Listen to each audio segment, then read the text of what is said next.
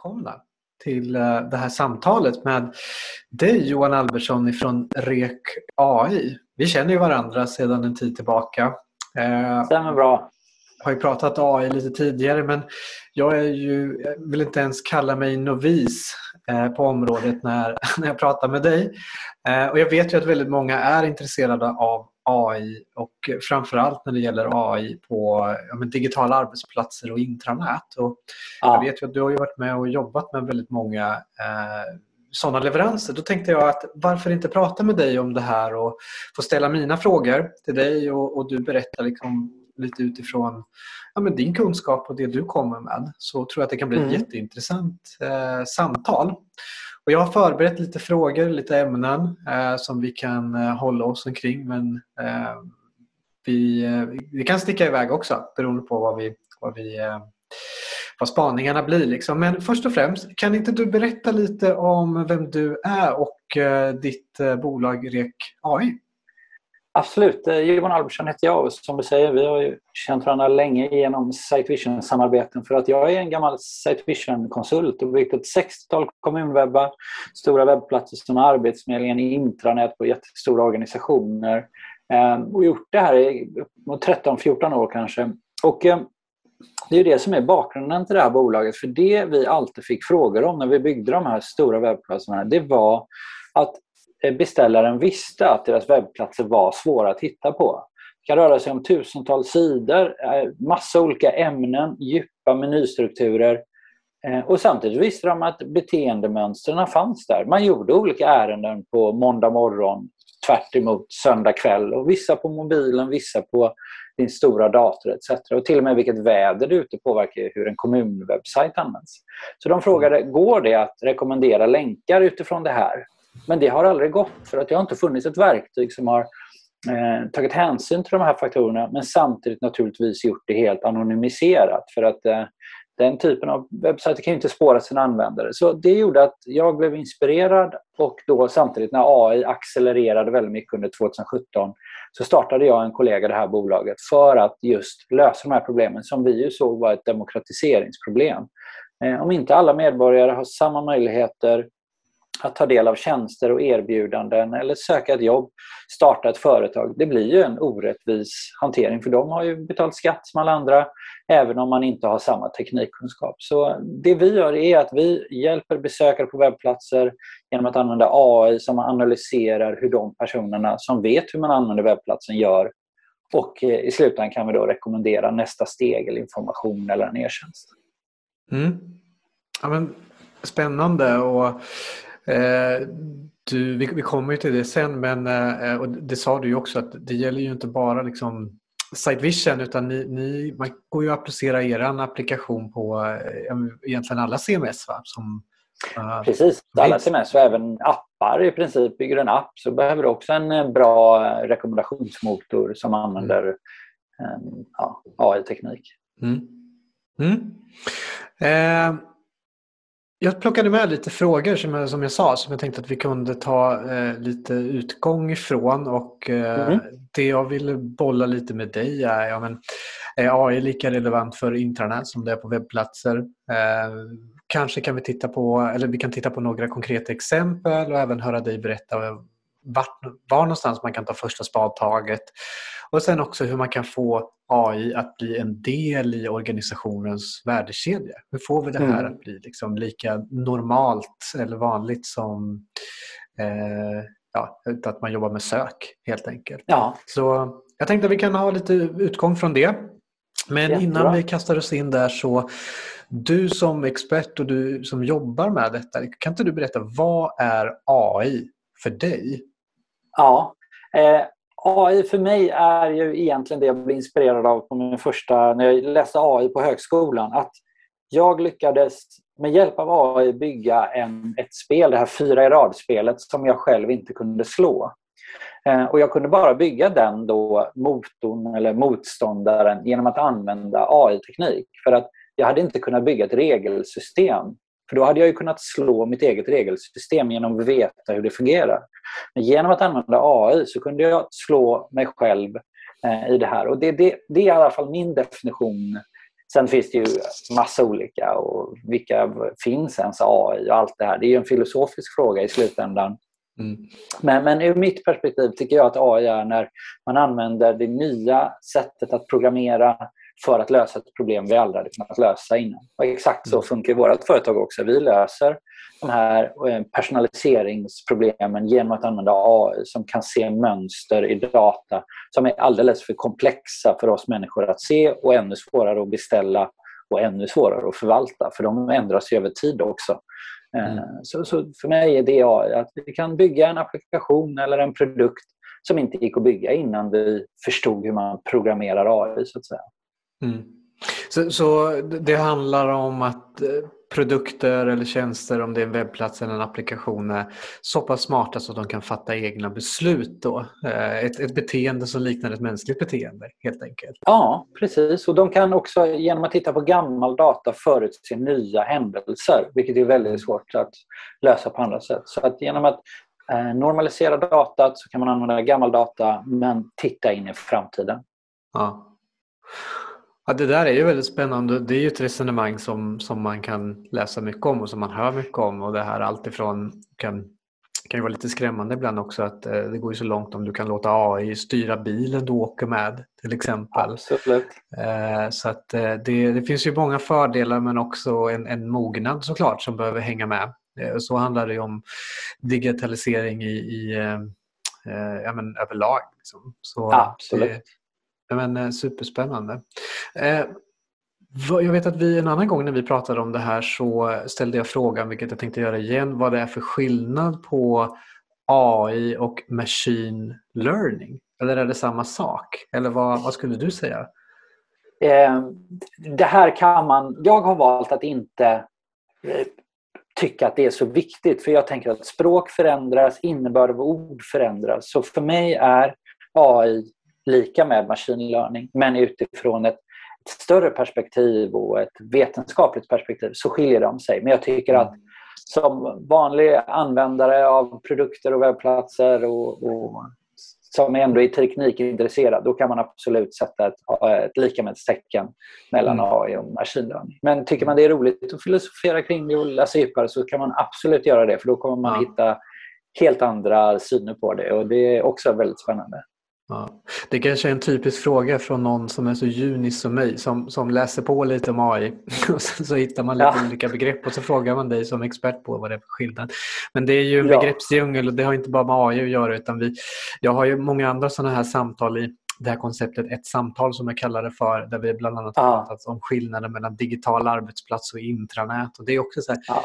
begreppsförvirring som egentligen är irrelevant. Ja. Ska, utan det är behovet man ska titta på, innebörden av dem, av de båda. Lite så ser jag också.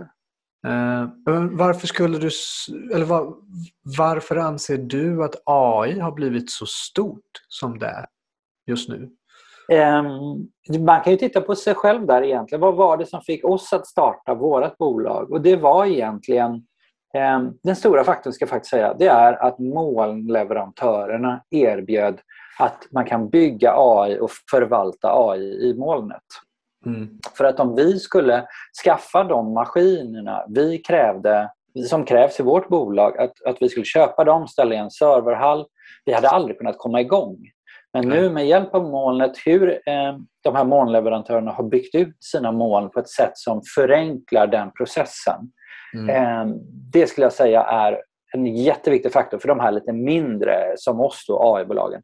Medan mm. de stora jättarna, där är det naturligtvis att eh, maskinkraften har blivit så stark. De har kunnat mm. bygga de här grafikkorten som har visat sig vara otroliga för att beräkna jättestora AI-problem. Och Det är helt enkelt så att styrkan eller kraften på processorn påverkar hur bra AI blir. Det finns ett totalt lika med tecken där. Eh, och genom att bygga de här fantastiska nya processorerna så har AI kunnat visa sig vara mycket bättre än vi ens vågade hoppas på. Mm. Men vi kunde inte bevisa det förrän vi hade rätt maskiner med rätt eh, kraft i. Mm. Um, så det, det, du säger är ju att eh, även ni då och AI-området såklart haft stor nytta av hela SAS vågen. Liksom, och Absolut. Det hade inte gått annars. Vi hade inte haft råd att starta det här företaget och om vi hade Nej. behövt köpa in servrarna, eh, ingenjörer för att sätta upp det och allting. Det, det, är, det är för specifik kompetens som mm. eh, man kan köpa in som en tjänst istället nu. Mm. Och man kan mm. bara testa och misslyckas man så har det inte kostat så mycket medan förr i tiden så behövde du ju liksom verkligen tro på ditt koncept för att våga investera pengarna. Nu är det ett kreditkort som behövs och lite credits och sen är man igång. Mm. Mm.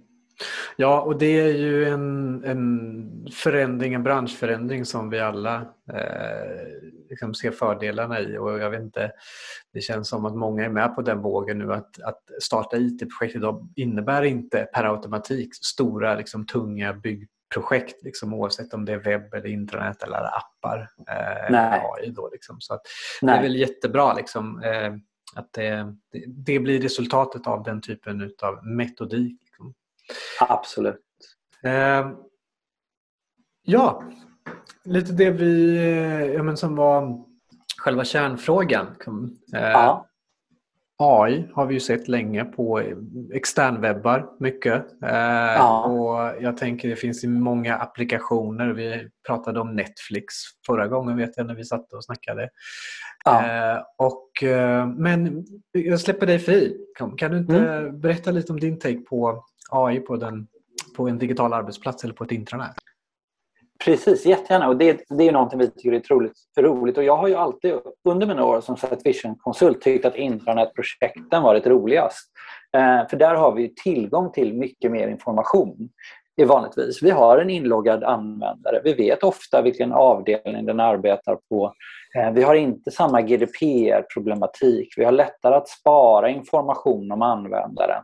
Eh, vi vet vilken roll den har, vi vet hur länge den har varit anställd. All den här typen av data gör att vi kan bygga mycket häftigare applikationer än om man jämför då med en webbplats där vi inte har tillgång till alls lika mycket data.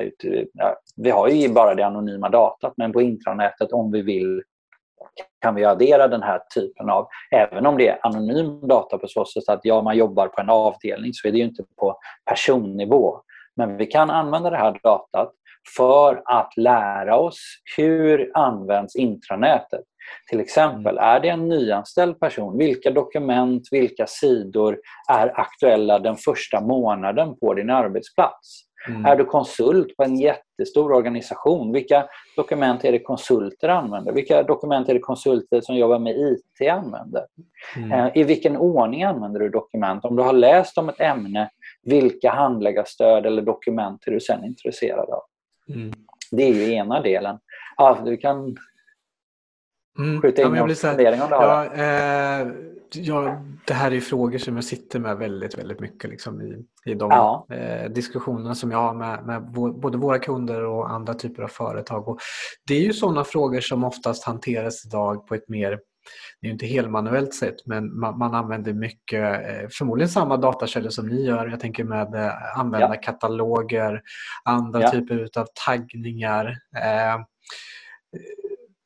är det liksom en utmaning att man, eller krockar man lätt med redaktörskapet i sådana här frågor liksom, när det kommer till att införa AI? Att man ska förlita sig då på att en AI-motor ska göra det här eh, men istället för att jag ska sitta och bestämma liksom, utifrån de strategierna som vi jobbar fram eller som kunder jobbar fram att det här är de verktygen den nya medarbetaren ska se de första månaderna. Och det här är de dokumenten som jag utifrån mitt strategiska dokument ska tillgängliggöra för konsulter då till exempel. Ja. Eh, nej, det, vi, det, man kan ju, det absolut bästa är naturligtvis att blanda båda sorter. Vi har både det vi, vi ju vet att den nyanställde behöver göra men sen kan vi blanda den informationen med det AI rekommenderar kan vara ytterligare information. Eh, mm. Så vi jobbar ju aldrig med att skriva över, liksom, finns det länkar så skriver vi aldrig över dem utan vi adderar ju bara förslag till om det redan finns förslag. Um, men också det de flesta vet som jobbat med exakt den typen av personalisering som du pratar om där, det är ju att de vet hur svår den är att förvalta. Mm. Vad händer när vi adderar ett projekt? Hur avgör vi, eller ett dokument, hur avgör vi om det dokumentet kvalificerar in till de här fem personaliseringarna vi kanske har försökt sätta upp. Och sen när vi anställer en ny person som ska hantera de här fem personaliseringarna, hur mm. överför vi kunskapen om varför vi har tänkt som vi har tänkt? Mm. Det blir väldigt lätt godtyckligt och väldigt svårt att förvalta. Och det är de här exakt de projekten man själv satt i förr i tiden och försökte lösa det här. Men, men gång på gång så insåg man hur svårt det var. Mm. Eh, så att vi, vi brukar alltid säga att vi ska inte vara huvudnavigationen. Vi är inte det som tar över utan däremot är vi en addition till det som finns. Mm. Vi kan hjälpa till och vi kan göra det enklare och vi kan addera funktionalitet till eh, när man försöker hitta information. Vad skulle krävas för att ni skulle kunna ta över då? Eller vill, ni, vill man det ens? Alltså det, vi har tekniken redan för det och vi kan redan bygga menystrukturer, eh, alla de här delarna. Det är mer att för att göra det behöver man nog ett väldigt bra projekt där man lägger tid på att AB-testa. Man måste ha en bra, eh, ja, prata med användarna mycket och så vidare. Eh, och vi har inte haft tiden och, och, rätt situation att göra ett sådant projekt. Men det hade varit mm. otroligt roligt att testa. Eh, Götene kommun till exempel, en kommun som använder vår tjänst. De har ju tagit så långt att på deras startsida på deras webbplats, där renderas tre ingångar som en stor menystruktur för mm. varje besökare. Och de här tre ingångarna då under varje subkategori som barn och utbildning till exempel de är AI-skapare då, till skillnad från som man ofta gör annars, att redaktörerna sitter och sorterar sina länkar i rätt ordning. Här då mm. lyfter vi upp de tre populära. Och samma sak kan man naturligtvis göra på sitt intranät eller mm. annan typ av webbplats. Så att man kan absolut bygga en, en navigation. Och vi brukar ju prata om att sidfoten, visst, det är inte många som kommer ner till sidfoten, men har man läst klart en sida då är man antingen nöjd eller inte nöjd. Men om man då mm. hjälper de personerna. Så det finns så mycket spännande mm. tester att göra med det här. Så tekniken finns men du skulle, man behöver hitta rätt projekt, man behöver hitta rätt tillgiv, tillgivenhet och engagemang och, och, och vilja ja. till det. Den digitala Exakt. mognaden kanske, som vi var inne på. Absolut. Och, och eh. liksom, eh, ha riktiga liksom, diskussioner med UX-personer, tillgänglighetspersoner, användare och sitta egentligen. Men det vore ju otroligt roligt om man hittade rätt projekt att göra en sån, ett mm. sånt jobb med. Mm. Mm. Jag avbröt dig förut, förlåt. Kan du ta upp tråden där du var eller ska vi? Ska vi... Eh, det, nej, det kan jag nog inte. Jag minns inte exakt hur långt det var. Nej, förlåt. Det, jag är nej, duktig på det, tyvärr. Eh, nej, men jag tänker det, så här, summera lite att det, det handlar om att fokusera på att producera innehåll och låta AI stå mycket för analysen då. Det vet jag att jag också pratat om tidigare. Så det, det låter lite spännande. Och, och, det eh. som vi också jobbar med och som också blir framtiden såklart, det är ju en, en ännu djupare textanalys. Förståelse för autotaggning. Vad handlar den här? Och det, det är ju något saker vi jobbar med redan i, på eventwebbplatser där du läser ett evenemang som handlar om en sak så kan vi rekommendera evenemang som handlar om samma liknande saker utan att redaktörerna behöver gå in och tagga all information. Och där har vi ju liksom naturligtvis analyser av dokument, till och med bilder Mm. Eh, vad innehåller bilder för saker och vilka dokument sitter ihop med det och sådär. Så mm. eh, och nästa steg som vi tror på det är ju att skapa eh, automatiska kontrollfrågor utifrån vad saker handlar om för att se om man har förstått och så, alltså mm. hjälpa besökaren. Så, så att det är ju nästa steg, att skapa mm. innehåll med hjälp av mm. det vi vet av beteendena. Så, så dit kommer vi också komma. Och det tror man då att användarna är redo att ge er svar på? Att ge er det engagemanget? För det krävs ju.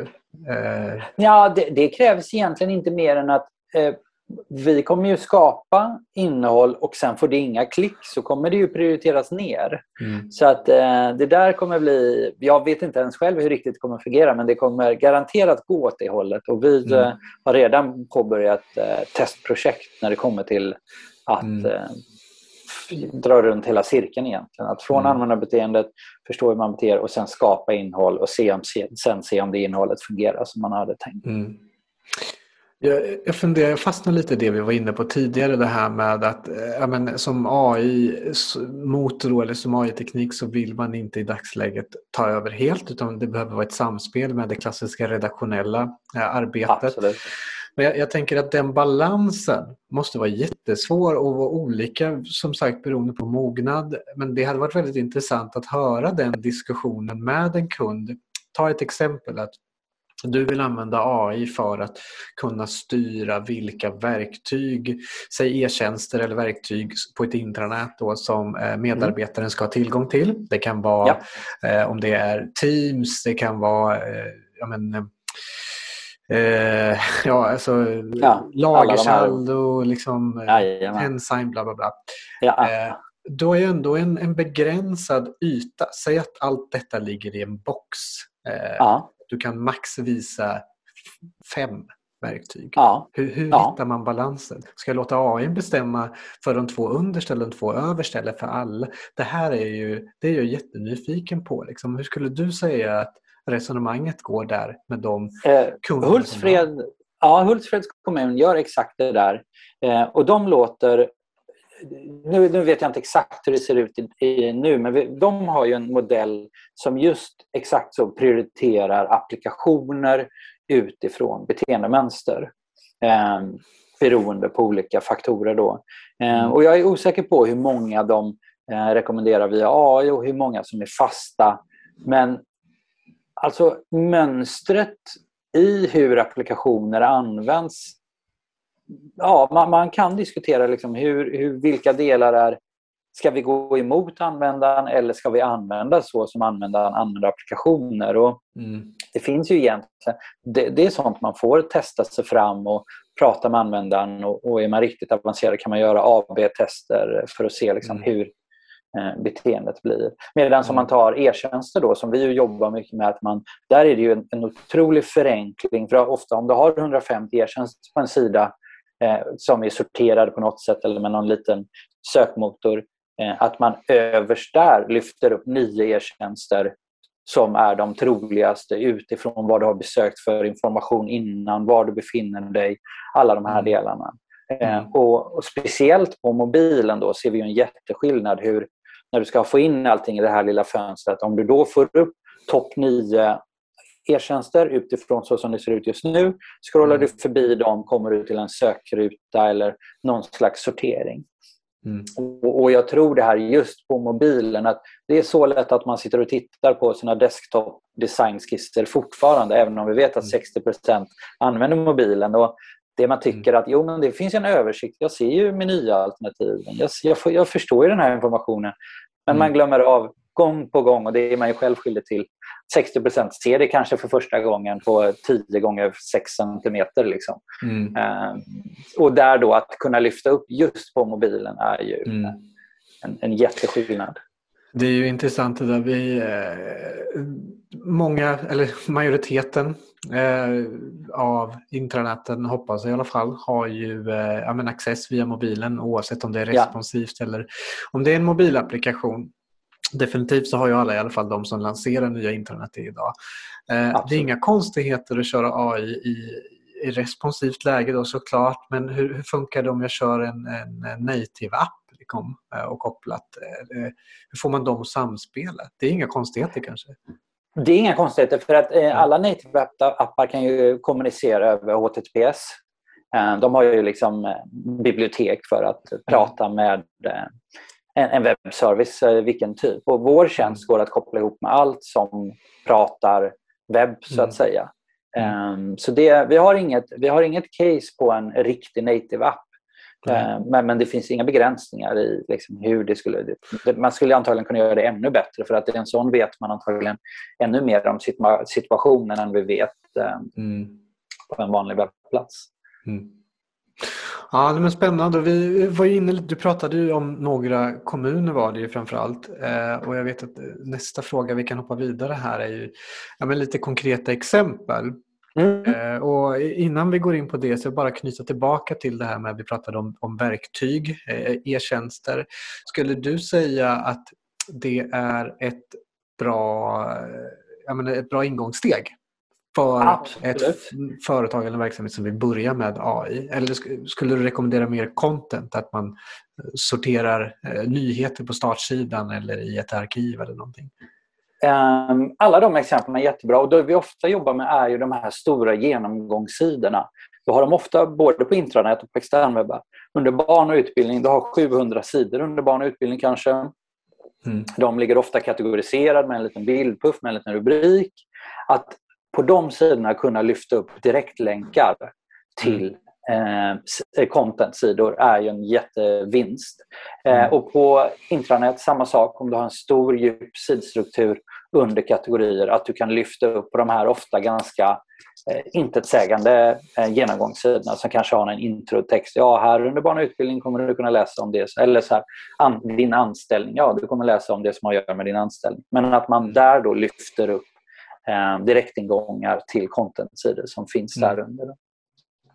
Vilka, vilka datakällor liksom väger ni in i era beräkningar? Du pratade lite om väder innan och eh, trafik och vad, vad kopplar man på för någonting? Eh, vissa av dem är ju hemliga. Det, mm. det ingår ju liksom hur vi hela tiden utvecklar produkter. Men all, naturligtvis allt det som i princip du kan tänka att du ser i Google Analytics. Alltså du kan mm. se vad du har för device. Um, vi vet ju allting om tid, vi vet din uh, position genom att vi använder en IP-uppslagning. Men alltså allting är ju naturligtvis anonymiserat. Vi, vi spårar aldrig användare, vi har inga IP-nummer, vi har inga kakor. Så att det är det som också har varit vår ingång till det här, att det ska vara anonymt. Men vi ska kunna bygga en så avancerad personalisering att anonymiteten inte är ett problem. Och vi gör det genom att använda speciell AI-teknik. Mm. Och sen kan man ju addera egna faktorer som till exempel då vilken avdelning man arbetar på eller vilken roll man har. Det är ju saker som webbläsaren vet som inte vår tjänst vet. Men genom att mm. webbläsaren vet det kan vi addera den informationen. Vid varje visning av en sida så vet vi att nu visades den här sidan av en person som arbetade på den här avdelningen. Mm. Och på så sätt kan vi bygga upp då en AI-motor som lär sig de här beteendena. Och mm. den tränas ju varje natt den här AI så att den blir hela tiden smartare också. Mm. Så uh, nya mönster adderas till den totala datamängden och vi bygger AI-modellen och inkluderar de här nya mönstren. Mm.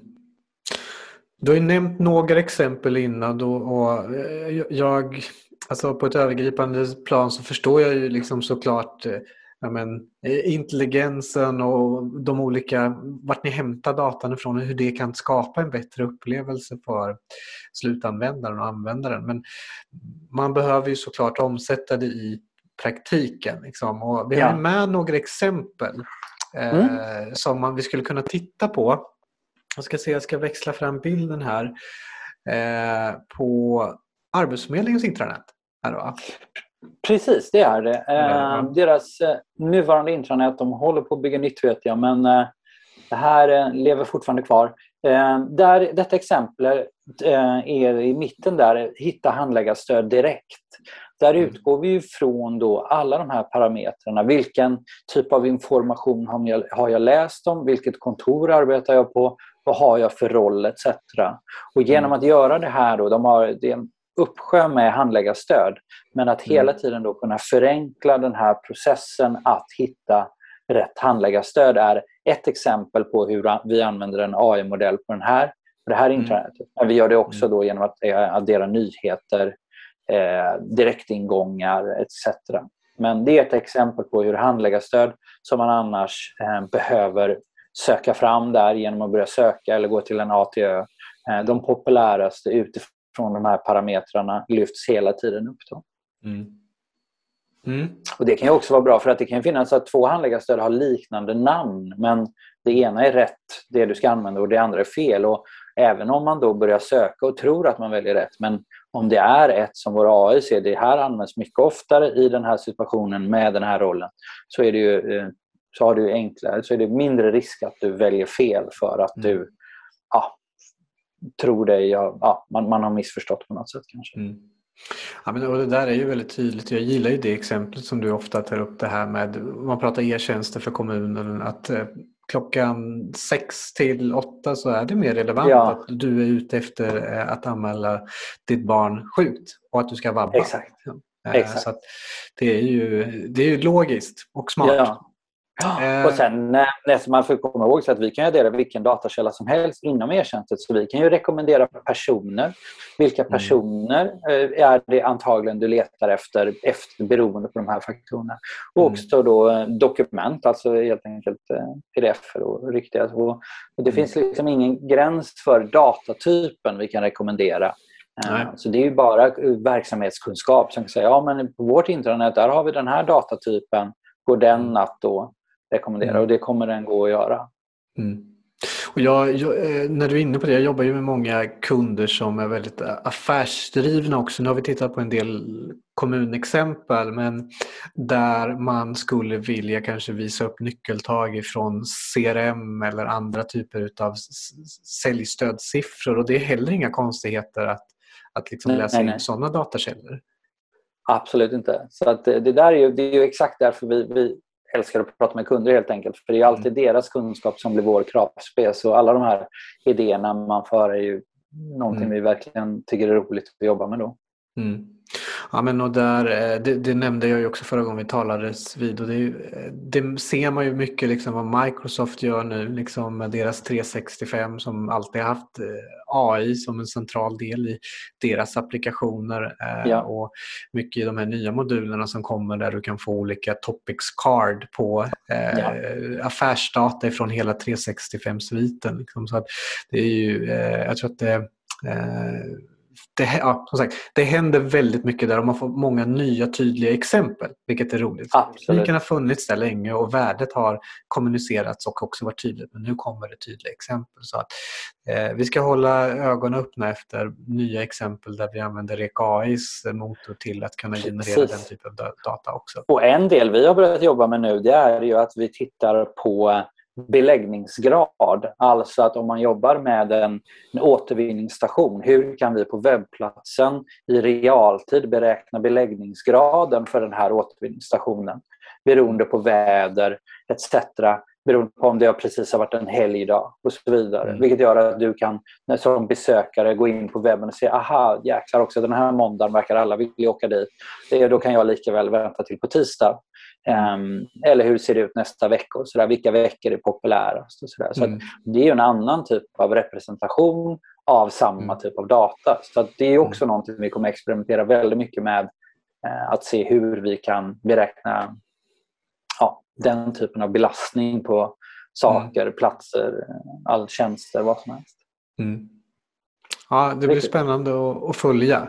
Ja. Eh, vad är det vi ser nu då? Det är Falkenbergs kommuns Falkenbergs kommun, ja. Eh, precis. Och det vi gör här på startsidan då, det är de högra boxarna där, populära nyheter, populära grupper. Det här är ett eh, internet eh, som använder social collaboration-delen. Då. Um, och där ser man ju, det är ju klassiskt här, matsedeln är den populäraste nyheten och det där känner man väl igen från folk blir hungriga oavsett vad som pågår ja. i omvärlden. Så att, ja. um, man ska inte förringa men, de eh, enklaste behoven som vi har. Nej, de exakt. Ja. exakt. Nej, men så att, och det är även då populära grupper. Alltså vilka eh, social collaboration-grupper rekommenderas att du går med i utifrån mm. din anställning etc. Mm. Så att, um, men det här skulle kunna vara Teams-grupper, det skulle kunna absolut. vara eh, under program där det skulle kunna vara eh, OneDrive, Teams och Slack allt. och eh, allt sådär. Allt som renderar klick, så att säga, allting användare klickar på kan vi mm. gruppera och rekommendera. Så att, eh, mm. det är alltid klicket som styr eh, hur mm. vi tolkar en besökares beteende. Mm. Eh, finns det något exempel eller är det relevant att eh, utifrån var någonstans i verksamheten man befinner sig, vilka personer som man bör nätverka med? Eh, Absolut. Det där är vi har inget exempel där vi, men, men i Sex Vision har vi ju de här, just i social collaboration, då, de här ju profilsidorna. Och naturligtvis kan vi se på vilka profilsidor är aktiva om man besöker, om man har en, jobbar på en viss avdelning eller har jobbat med ett visst ämne. Och det där är egentligen bara att bara sätta sig ner och se hur, hur skulle vi kunna eh, filtrera egentligen på de här typerna av information. Då. Mm. Det är en jätterolig idé. Mm. Uh, ja, men spännande. Uh, den här då.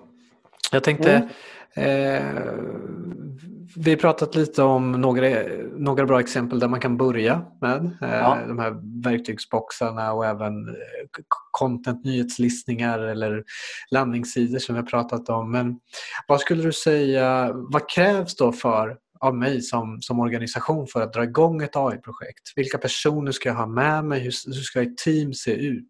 Vilka förutsättningar bör finnas för ett lyckat projekt? Ja, och där, där blir det ju svårt för att ett AI-projekt kan ju vara enormt och det kan vara väldigt litet. Alltså de delarna vi jobbar med i form av att eh, AI-fiera din webbplats så att säga. Där är det ju det vanliga webbteamet som behövs. Du har ofta en webbmaster eller informationsägare på något sätt, en UX-person kanske och någon som jobbar med dina mallar i Setvision eller motsvarande. Mm. Eh, och i, om man har ett, ett, ett, en workshop med de personerna så räcker ju det för ett webbprojekt som börjar använda AI. För att mm. kunskapen om hur en webbplats används, det har ju de här typen av eh, användare eller deltagare. Då. Mm. Medan om du använder ett, gör ett AI-projekt för att förändra din verksamhet i form av hur den hanterar inkommande ärenden. Som, det är ju en liten annan typ av projekt som ställer ju högre krav på att jag brukar säga att man får ett AI-tänk som jag står ju där också att man lär sig att se vad är en typisk input och output för ett AI-projekt. Vad är det AI kan förstå för information och vad är det AI kan outputta? Jo, den kan rekommendera saker, den kan klassificera saker. Är det här spam-mail eller är det inte spam-mail? Mm. Den kan säga vad bör nästa steg vara i den här mm. processen. Mm. Och att få in det tänket och sen även i nästa nivå förstå att om vi först klassificerar, sen tittar på vad blir nästa steg.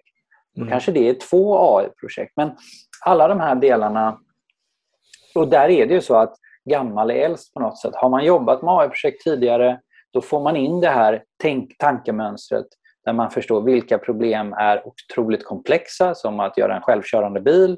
Men mm. vilka problem är mindre komplexa genom att se, har, har det här ärendet, är det typ A eller typ B? Eller mm. vilken typ av svar ska vi skicka tillbaka när man ställer den här typen av fråga? Mm. Um, och, och, och där krävs det nästan att man, man har jobbat med det och AI är en kompetens som är svår att eh, få utan att ha jobbat med den. Men så fort man har börjat göra det, varit med i några få projekt, då får man det här tänket. Då. Så mm. jag skulle säga, drar man igång ett AI-projekt då vill man ha en person som har gjort det innan. Eh, mm. Man... Jag, har en jag har en fråga kring största fallgroparna men det kanske är det du precis ska säga, kokade ner det till. Att det är brist ja. på den te tekniska kompetensen eller förståelsen för AI. Det, det, är, det är det som är lurigt, att förstå vad är en passande storlek på eh, mm. kakbiten man ska försöka äta upp. Liksom. Att mm. Hur avgränsar vi? Och det man ju ofta eh, missar också det är att du börjar ju med datat. Men jag vill säga att du ska börja med rekommendationen. Vad är det outputen ska bli?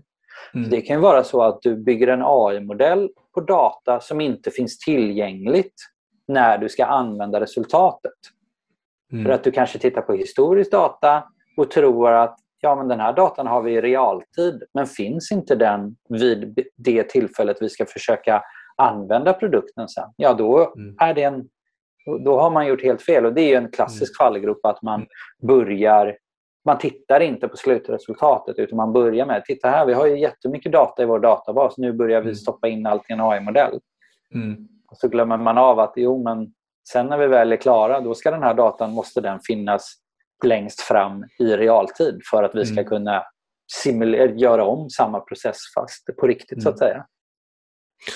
Och om, om man då ska försöka göra det här till en naturlig del i, i, eh, mm. i verksamheten och i mitt arbete så behöver jag ju såklart påvisa nyttan och effekterna för de som sitter på pengarna. Liksom. är det just tidsbesparingen och tidsaspekten som är det mest centrala eller vad finns det mer som jag kan använda för att liksom, skapa ett business case?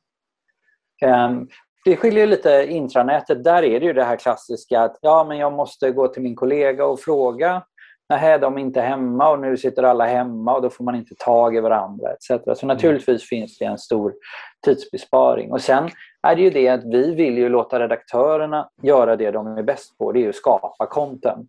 Mm. Eh, de ska fokusera på att producera, kanske intervjua folk, nya typer av content som hjälper besökarna. De ska inte bygga personaliseringar, analysera, ta in jättedyra konsulter som tar fram eh, pdf-er med, för att visa upp massa pajdiagram som man sen ändå inte vet hur man bygger in för slutanvändaren.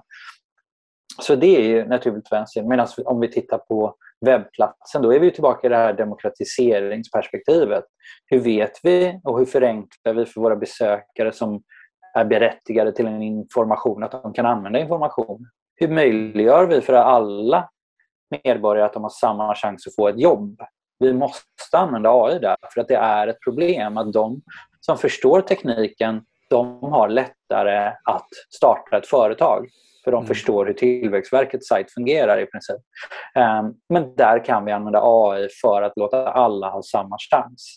Mm. Um, så det är två delar där. Och, och, och, och, men även där blir det ju pengar i slutändan också i form av supportkostnader, redaktörstid, alla de delarna. Men jag tror att att, och har man ju liksom content på sin sajt och mer av en eventsajt eller en företagssajt, kanske en konsultbolag, att inte rekommendera nästa artikel om du har läst en artikel som handlar om kanske ett AI-projekt ett konsultbolag har gjort. Mm. Naturligtvis vill du rekommendera en artikel till som passar till detta utifrån besökarens mönster och persona. Ehm, att inte, att inte ta den chansen utan att sidan tar slut. Jag kanske har blivit, sett en artikel som delades på Facebook, det kan gälla en kommun också. Jag går in, jag läser, jaha vad kul, har du öppnat en ny badplats i kommunen? Och sen tar det slut. Men om vi där då kan addera, men vet om att du också kan göra de här sakerna i din kommun. Och här har vi öppnat eh, en ny turistattraktion eller ett nytt bibliotek. Naturligtvis vill vi ge den här informationen till våra besökare. För mm. att det är därför webben finns och redaktörerna skapar superfina artiklar. Mm. Eh, så de måste vi ju hjälpa besökaren att hitta, tycker jag. Mm. Mm. Ja, men, eh, spännande. Um det känns som ganska ja, men bra info att kunna ta, ta, ta vidare liksom, eh, för att kunna skapa ett bra, en bra start till ett business case. Eh, det är väl mm. mycket kring att hitta rätt kompetens då också i och med att den, eh, eh det inte är liksom ett, ett, säga, en naturlig, dag, eller naturlig del i verksamheten idag än. Nej. Så det, Nej. det är väl en utmaning då såklart. Och då finns ju ni som tur är som man kan prata med. En, en sista grej, jag tänker lite på nej, framtid och så chatbot tänkte jag säga, liksom, det hör ju inte till framtiden. Det finns ju idag i allra största grad. Ser mm. vi det på något sätt kunna vara, bli en del av intranätet? Liksom, där man kan ställa frågor och få svar? Liksom, eller är det fortfarande liksom, ett fenomen för externwebben? Nej, det tror jag... Chattbotten ser jag mer som en... Som man är krass så är det ju en meny.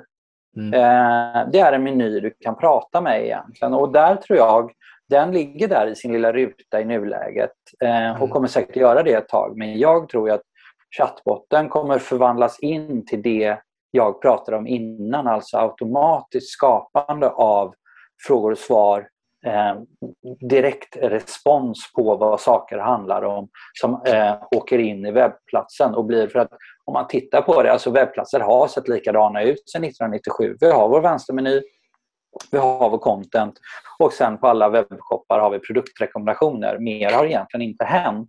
Men det är där vi har eh, visioner hur mikromodeller, alltså att många små AI-modeller kan samarbeta på en webbplats.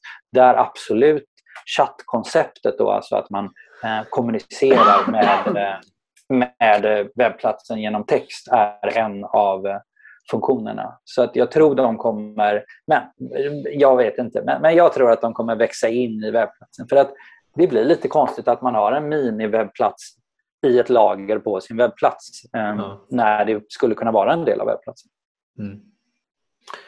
Eh, en sista fråga. Hur mm. långt bort är vi för, eller går det att göra idag, ställa filosofiska frågor till en AI-motor eller en AI-robot? Och kan man fråga vad de tycker utan att det baseras på fakta?